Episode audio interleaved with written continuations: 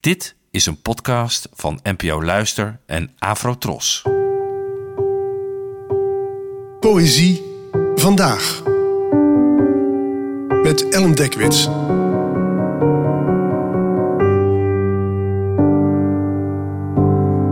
Hallo, fijn dat je luistert. Het gedicht van vandaag heet Domino en werd geschreven door de Nederlandse dichter K. Michel, geboren in 1958. Domino. Er zwemt een barst door het huis. Niemand die luistert. Uit de schaduw groeien schaduwen. In het onderwaterlicht dat passerende auto's werpen op de muren rondom het bed. In de diepblauwe stilte herhaalt een jongetje lipzacht al wat gezegd is die dag en stopt woord voor woord de gaten in het geluid dat huwelijk heet.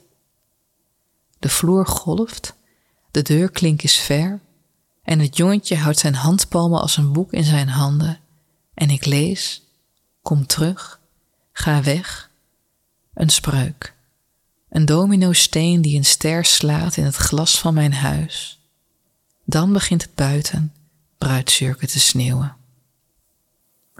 Soms roept een gedicht bij mij een leven op. En bij dit vers van K. Krijg ik het idee dat het gaat over een jongetje dat opgroeit in een onveilig gezin, waarvan de ouders op het punt staan om te gaan scheiden. Het is een thuis waar een barst doorzwemt en niemand nog naar de ander luistert.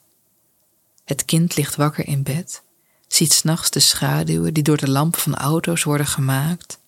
Hij prevelt woorden voor zich uit, probeert de gaten in het begrip huwelijk te dempen. Beneden wordt geruzied, zodat de vloer golft.